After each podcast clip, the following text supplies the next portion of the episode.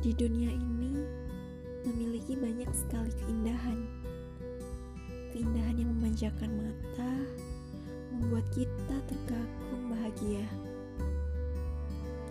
Hiasan langit yang selalu membuat kita terpaku. Seperti pelangi dan senja. Keduanya indah, mempesona. Tapi keduanya memiliki keunikan yang berbeda dan memiliki cerita yang berbeda.